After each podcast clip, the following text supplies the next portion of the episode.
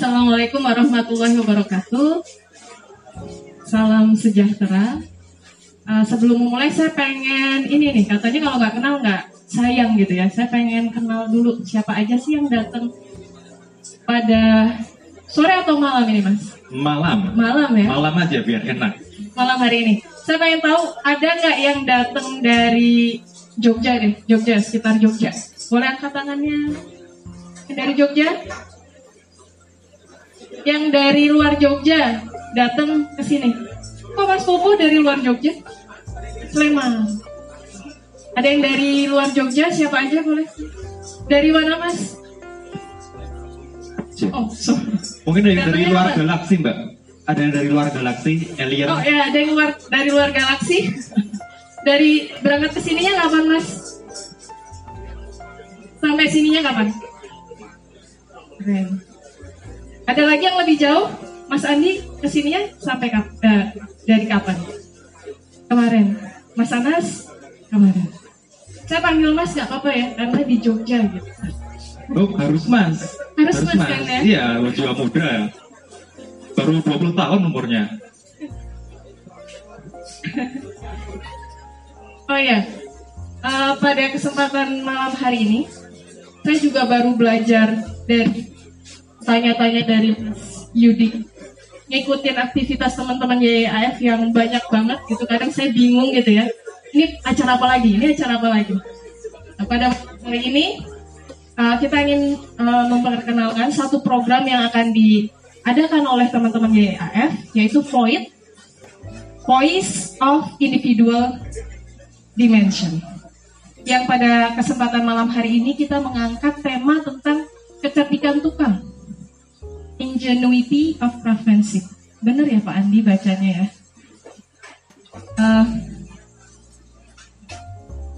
beberapa pesan dari teman-teman, katanya acara ini nanti juga akan di-upload di podcast. Berarti sudah mulai di ini ya, eh, di apa namanya rekam ya? Dipersiapkan. Jadi teman-teman tes di podcast. Mulai soon ya, coming soon. Oke, saya nggak mau memperpanjang. Saya pengen panggil dulu dua eh, mas-mas gitu ya, eh, untuk maju ke depan. Eh, mas Anas dan Mas Andi Rahman. Saya persilahkan maju ke depan.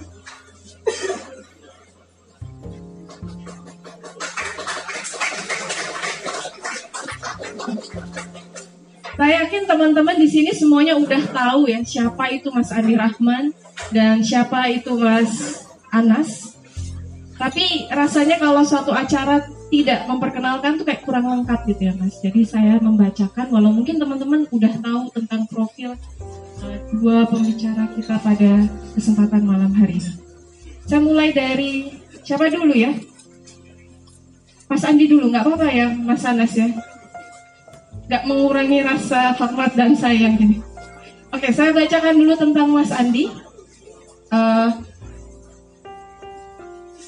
Mas Andi lulus dari ITS pada tahun du eh masuk 2000, kemudian lulus pada tahun 2004. Masuk lulus cepat ya Mas. Kemudian langsung mendirikan Andi Rahman eh, arsitek pada tahun 2006 sebagai founder dan principal. Kemudian sempat mengikuti beberapa exhibition uh, di Tokyo uh, Indonesian Architect Week, kemudian di tahun 2012 di Den Haag, uh, Netherlands, kemudian di tahun 2017 juga mengikuti exhibition di uh, France, kemudian ada lagi di exhibition tentang material meter di Thailand pada tahun 2018. Kemudian yang tidak bisa saya bacakan karena sangat banyak sekali dari tahun 2010 sampai 2019 sangat aktif memberikan uh, lecturing di beberapa kota, bahkan juga di luar negeri juga ya Mas ya, uh, tentang arsitektur. Kemudian beberapa kali menjadi juri competition. Kemudian beberapa karyanya juga diliput, dibahas di banyak magazine, baik yang di print, kemudian yang online juga ya Mas ya. Kemudian pada 2019 ini seperti kita ketahui yang pengen kita bahas pada malam hari ini adalah kata bata. Sedikit tentang profil Mas Andi Rahman. Boleh saya minta aplausnya buat Mas Andi Rahman? Kemudian profil kedua yaitu Mas Anas Hidayat, lahir di Kediri, betul Mas? Betul? Bekerja di Arsiteks, arsitek yang bergelut di teks. Ada nggak di sini yang arsitek bergelut di teks? Skripsi, oke. Kemudian lulusan sarjana S1 dan S2 ITS. Satu angkatan nggak Mas? Sama Mas Andi? Enggak ya? Beda jauh. Kemudian juga Voice of Individu uh, uh, uh, tesisnya itu tentang hubungan arsitektur Jawa atau primbon dan hermeneutika filsafat penafsiran. Berat banget ya mas ya? Kalau saya mungkin udah nggak kuat ini. Kemudian menjadi dosen arsitektur di UKDC Universitas Katolik Dharma Cendik Cendika Surabaya. Kemudian pernah menulis arsitektur koprol di tahun 2010 Contemporary Surabaya Architecture kemudian karya arsitektur IAI Jatim ini juga buku kemudian Beberapa waktu lalu kita punya event juga bareng di Jogja 15 arsitek muda waktu itu 2017. Kemudian menulis buku kolaborasi dengan Rich The Guild, benar bacanya. Kemudian di 2019 pada kesempatan kali ini kita bisa ketemu Mas Anas lagi membahas tentang buku uh, Nata Bata. Saya nggak mau memperpanjang, saya mau serahkan ke waktu pada mau siapa dulu. Saya bolehkan audiens ya. Mau siapa dulu mbak? Perut abjad, Anas sama Anas dan Andi Rahman. Saya mau milih duluan, Mas Andi dulu. Oke. Waktu saya serahkan pada Mas Andi.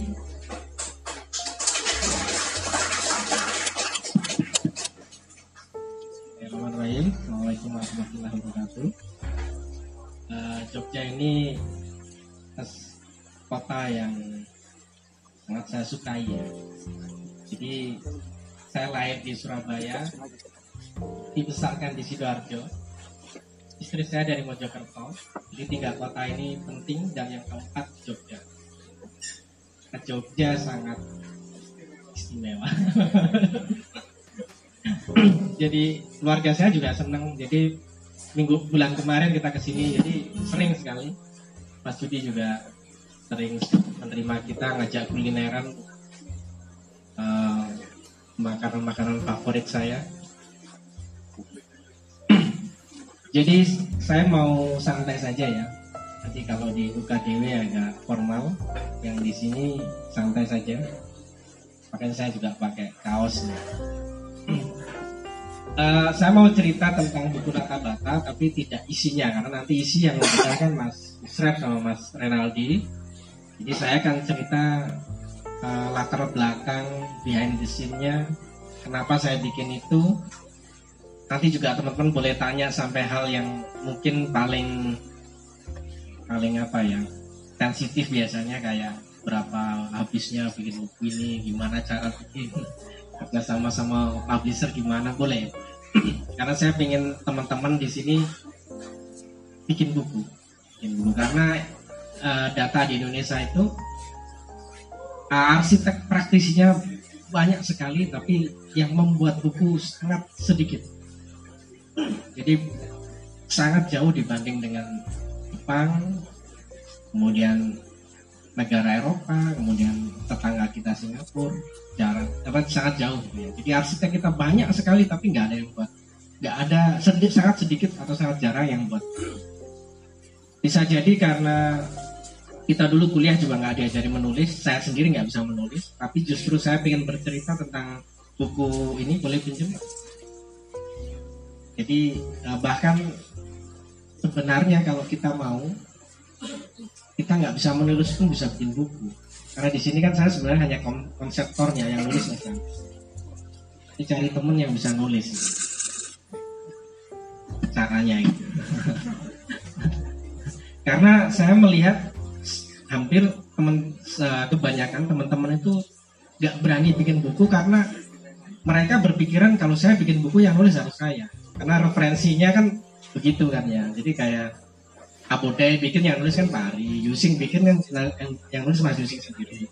Jadi wah ini saya harus menulis harus menulis. Padahal kita uh, harus kita akui bahwa sangat jarang arsitek yang bisa menulis termasuk saya. Jadi saya sama apa ya nggak bisa nulis lah. Saya bisa bercerita, hanya bisa bercerita. Saya ke, bercerita ke Mas Anas jadi buku gitu ya. Ini saya mulai dari uh, cerita. Karena sebenarnya buku Nata Bata adalah buku yang berkisah tentang jalan arsitek saya gitu ya. Tapi saya mulai dari setelah saya mendalami ketukangan atau craftsmanship. Jadi uh, saya masuk ITS 2000, lulus 2004. Nah selama periode 2004 sampai 2014 itu saya belajar. Belajar. Jadi melakukan banyak kesalahan. Kesalahan yang sangat fundamental dan lain sebagainya. Pokoknya buat kesalahan lah selama 10 tahun belajar mencari jalan sampai pada tahun 2004 jadi perjalanannya sebenarnya saya sudah ketemu sama tim tukang yang saya pakai sampai sekarang itu sejak 2007 sebenarnya. 2007 sudah ketemu tapi belum mendalami ketukangan. Jadi butuh waktu sampai 7 tahun baru saya memulai ketukangan. Di tahun 2014 ketika kami mengerjakan proyek rumah Puri Suryajaya eh, di situ kami mencoba beberapa cara mengkomunikasikan ide dengan tukang. Jadi titik baliknya di tahun itu ya 2014 ketika oh ternyata caranya begini itu ya. Karya kami pertama kali yang bangun yang yang terbangun itu 2014 itu rumah Puri Jaya itu sangat penting bagi kami karena saat itu jadi rumah itu jadi tukang saya itu gembira itu ya saya lebih gembira lagi tapi yang paling penting adalah tukang saya gembira Nah, karena sejak saat itu mereka menikmati pekerjaan.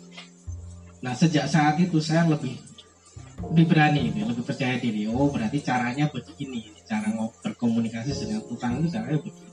Saya dalami semakin lama semakin dalam semakin, semakin tahu cara kerja mereka, komunikasi juga semakin terbangun. Dan sejak saat itu saya banyak sekali belajar kepada tukang-tukang saya. Itu itu itu ternyata begitu faktanya di lapangan. Ketika kita membuka diri, ketika kita tidak mengambil jarak, ketika kita tidak menganggap lebih tinggi dari mereka, itu kita belajar banyak sama mereka. Sama-sama belajar. Nah, setelah itu, proses itu di tahun 2017, jadi 2014 kita jalan gitu ya, beberapa proyek jalan sama uh, craftsmanship itu, terus di tahun 2017 itu kita memutuskan Uh, karena di awal itu kan kita mencoba banyak sekali material ya. Kenapa material kita memulai dari material? Kenapa kok kita memulai dari material? Karena material adalah bahasa yang paling mudah dipahami tukang gitu ya. Jadi tukang itu kalau kita ngomong konsep, ngomong ide, ngomong ruangan, dia nggak paham. Jadi apa yang mereka paham ya material karena mereka sehari-hari bergelut sama material. Kita saya memulai dari material, cak, apa, bahasa yang mereka pakai sehari-hari. Baru setelah itu kan konsep ide ruangan dan lain sebagainya yang yang yang itu kan itu itu tataran kita. Jadi uh, yang paham nanti kita. Secara nanti jadinya itu kita yang tahu. Tukang nggak tahu, tapi tukang tahu cara bikinnya. Kita yang mengarahkan. nah di tahun 2017 itu kita memutuskan untuk mendalami salah satu material yang selama tiga tahun sebelumnya itu kita nyoba ya kita nyoba ada batu bata kita nyoba bata ringan kita nyoba rooster kita nyoba semen gitu ya. kita nyoba material yang yang yang mereka sangat familiar yang yang saat ini mereka sering pakai. Sampai akhirnya di 2017 kita putuskan untuk memilih kita memilih mendalami batu bata. Karena secara tidak sadar di alam bawah sadar saya batu bata itu punya ikatan emosional. Karena saya lahir di Jawa Timur, besar di Jawa Timur. Banyak sekali candi-candi yang luar biasa di Jawa Timur. Yang setiap kali saya lihat saya terpana gitu ya. Bagus sekali ya arsitektur zaman dulu ternyata luar biasa. Detailnya, ketukanannya. Meskipun saat itu saya masih belum paham ketukanan, tapi saya sangat menikmati itu. Itu yang membuat alam bawah sadar saya memilih kita mendalami bata dulu. Gitu. Bata dulu kita dalami saya mengundang Mas Anas di tahun 2017 menjadi bagian dari tim riset kami. Jadi di tahun 2017 saya membentuk tim riset yang bersama dengan beberapa mahasiswa magang dan Mas Anas kita mendalami bata.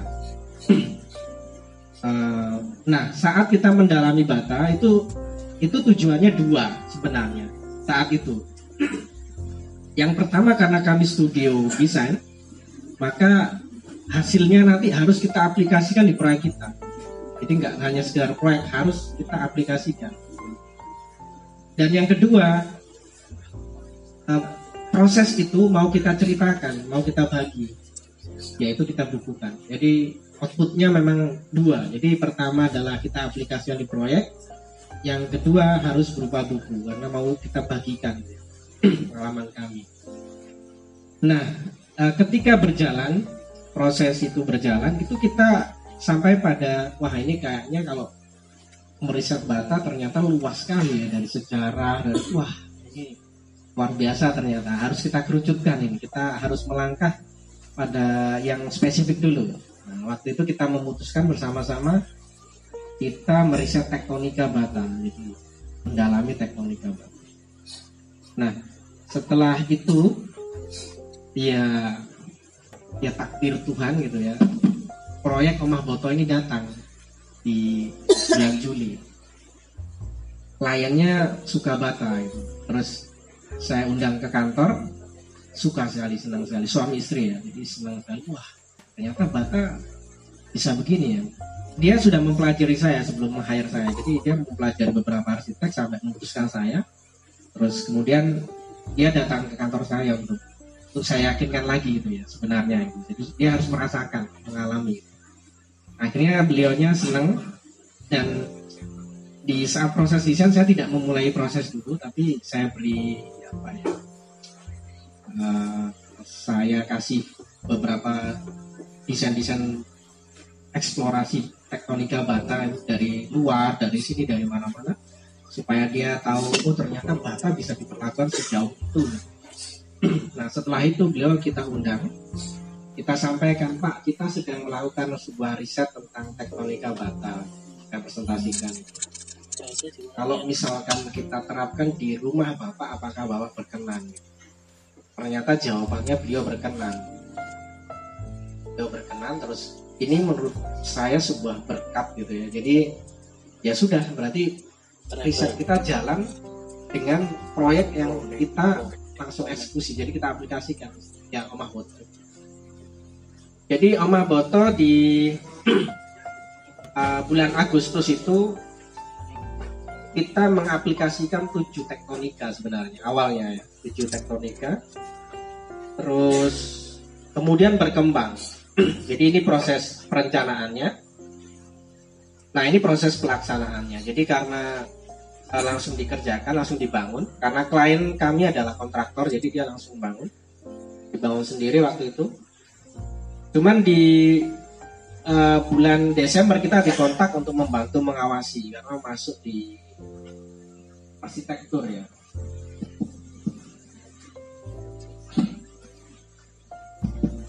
Jadi masuk di finishing arsitektur. Nah, ketika dihubungi kami membantu pengawasan dan kami coba me Eh, ketika proses pengawasan itu saya mendapati bahwa klien kami ini sangat-sangat terbuka itu ya sehingga akhirnya kita kita bantu di pelaksanaannya itu kita support dengan gambar-gambar detail-detail lagi yang memperkuat konsep kami tadi gitu.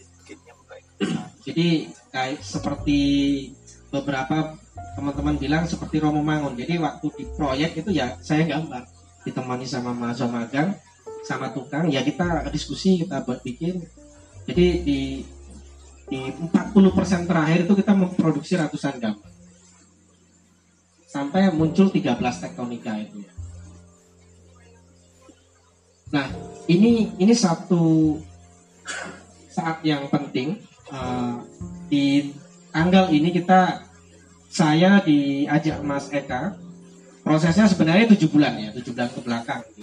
Diajak sama Mas Eka ke Prancis Spirit 45 yang sekarang tren pakai sarung tuh ya. Mas Eka mengajak saya sama Mas Rich Sebenarnya alasan sederhana, karena kita sama-sama angkatan 2000. Angkatan 2000. Jadi Mas Eka dari Brawijaya, saya ITS, Mas Dirit ITB. Jadi kita sama-sama. Kita ke Prancis mengikuti sebuah konferensi internasional. Nah di situ kita mempre mempresentasikan beberapa proyek kami yang mengangkat lokalitas ya. Salah satu yang saya presentasikan adalah Omah Botong. Waktu itu masih konsep karena masih under construction. Jadi masih konsep saya cerita di sana. Nah ketika saya cerita di sana ada ada profesor dari uh, Spanyol. Itu ternyata tertarik. Jadi dia senang sekali. Setelah saya presentasi dia ngajak ngobrol saya. Dia sangat senang dengan cerita tentang Omah Boto terus kemudian saya juga uh, karena di sana ada beberapa hari ya mungkin satu 10 hari atau 14 hari itu di sana nah, kita punya waktu banyak untuk berdiskusi sama Mas Eka sama Mas Riri. Nah salah satu resolusinya adalah setelah balik ke Perancis kita harus membuat buku. Saya cerita loh, Mas saya sekarang ini sedang membuat buku. Tapi judulnya masih belum jelas gitu. Nah, mereka memberi masukan yang menurut saya sangat penting. Jadi ketika sebelumnya ini selama beberapa bulan ini kita muncul buku sama Mas Anas, itu kayak kalau saya rugi, kota-kota itu ya, itu saya belum belum punya gambaran sama sekali. Buku saya nanti itu jadinya seperti apa saya bingung nggak nggak tahu. Sama Mas Anas. Terus pokoknya kita jalan aja riset nanti jadinya seperti apa kita masih bingung gitu ya masih nah ketika itu Mas Ridip sama Mas Eka beri masukan Mas buku sampean ini kalau saran kami uh, fokusnya di Omah Botol karena menurut mereka menurut pandang, pandangan mereka Omah Boto ini uh, lah itu puncaknya dari perjalanan ketukangan selama 2014 itu ya di Omah Foto. Nah sejak sejak itu langsung saya langsung seperti melihat Rubik itu seperti jelas gitu ya. Oh iya iya iya. iya. Jadi saya langsung cepat. Jadi setelah itu balik dari Prancis itu saya langsung ngajak Mas Anas ber berdiskusi tentang konsep bukunya sampai akhirnya muncul namanya Nata Bata itu. Sebelumnya Omah Boto. Nah di Nata Bata itu memang uh, saya tidak mau hanya bercerita Omah Boto karena Omah Boto itu sebenarnya punya latar belakang yang panjang. Jadi Omah Boto itu adalah proyek ke-12 gitu ya. Jadi proses belajar kami yang ke-12. Makanya di buku Nata Bata ini ada ada 11 proyek yang kami ulas sebagai latar belakang lahirnya Omah Boto jadi nggak bisa dihilangkan gitu makanya harus ada supaya yang membaca itu bisa paham gitu ya bahwa oh Omah Boto itu kar karena ini gitu ya lahir karena ini gitu. ada ada proses yang sangat sangat uh, manusiawi lah itu ya tidak muncul dengan sendirinya tapi prosesnya manusiawi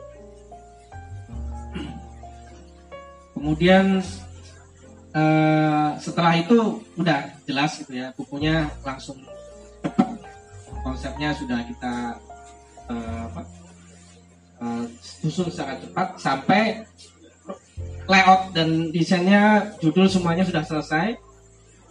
Tapi rumahnya belum selesai gitu ya. Karena memang karena itu tadi ketukangan ya wah ini nggak mungkin bisa terbit kalau rumahnya belum selesai ya kita nunggu rumahnya. Jadi rumahnya baru selesai di bulan November Desember. Baru selesai di bulan November Desember. Akhirnya kita foto kan. Selesai kita foto karena untuk uh, apa buku. Dan kita open house di bulan Januari. Lalu sudah karena memang memang tinggal nunggu foto. Jadi bulan Februari proses ini ya. Jadi antara Januari sampai Februari ini tinggal proses naik data itu dan alhamdulillah di bulan Janu bulan Februari bukunya terbit kenapa saya mengajak Omah Library ya? Meskipun sebelumnya saya di empat buku sebelumnya itu kita selalu sama Imaji. Jadi buku uh, Demaya yang sama Mas Anas juga sejak awal sejak tahun 2011 kita sama-sama menyusun itu semuanya sama Imaji. Kecuali yang arsitek YAI Jatim Plus. Itu kita membuat membuat sendiri. Jadi nah, sendiri ya bikin ini ya apa publisher ya. Tapi dari situ kita tahu waduh ternyata kalau kita nyetak sendiri biayanya luar biasa. Ini habis itu nggak laku. Wah. Jadi kita belajar banyak di buku-buku berikutnya sebelumnya. Jadi sebenarnya sebelum bikin kata bata dan Mas Anas tuh sudah membuat empat buku itu jadi uh, pengalamannya sudah sebenarnya oh jadi belajar dari buku ini kelemahannya di sini belajar dari ini kelemahannya di sini kelemahannya di sini jadi kita belajar banyak sampai bikin 15 cerita yang menurut kita cukup sukses. Nah akhirnya kita paham, oh berarti ya bikin buku itu begini cara. Ya ini buku Nata Baca. Jadi buku Nata Baca itu kita mencetak 2000 eksemplar. Pre-ordernya itu 1500 dan dalam waktu 4 hari sudah sudah habis.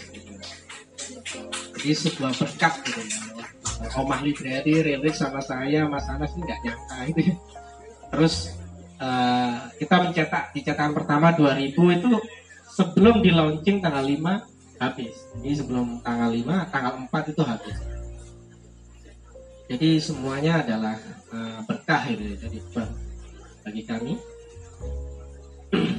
Nah sebenarnya buku Nata Bata ini baru cerita awal gitu ya. Ya karena sen saya sendiri memang baru baru melangkah ya baru mendalami ketukangan baru mendalami bata. Tapi menurut kami kami perlu berbagi jadi berbagi cerita dan semangat gitu ya bahwa sebenarnya arsitek itu juga perlu menulis. Karena dengan kita menulis itu kita bisa membagikan ide kita gitu. bagaimana kita orang bisa tahu ide kita kalau kita membuat buku gitu ya. Ya buku ini adalah media untuk kita uh, menyampaikan ide kita. Jadi me mengajak sebuah gerakan lain arsitek muda mahasiswa yang tujuan kami adalah ingin mengangkat kembali ketukangan dan kesadaran Nusantara itu. Karena sebenarnya itulah harta karun kita. Nanti lebih dalamnya baca buku kita. Itu dari saya. Terima kasih. Wassalamualaikum warahmatullahi wabarakatuh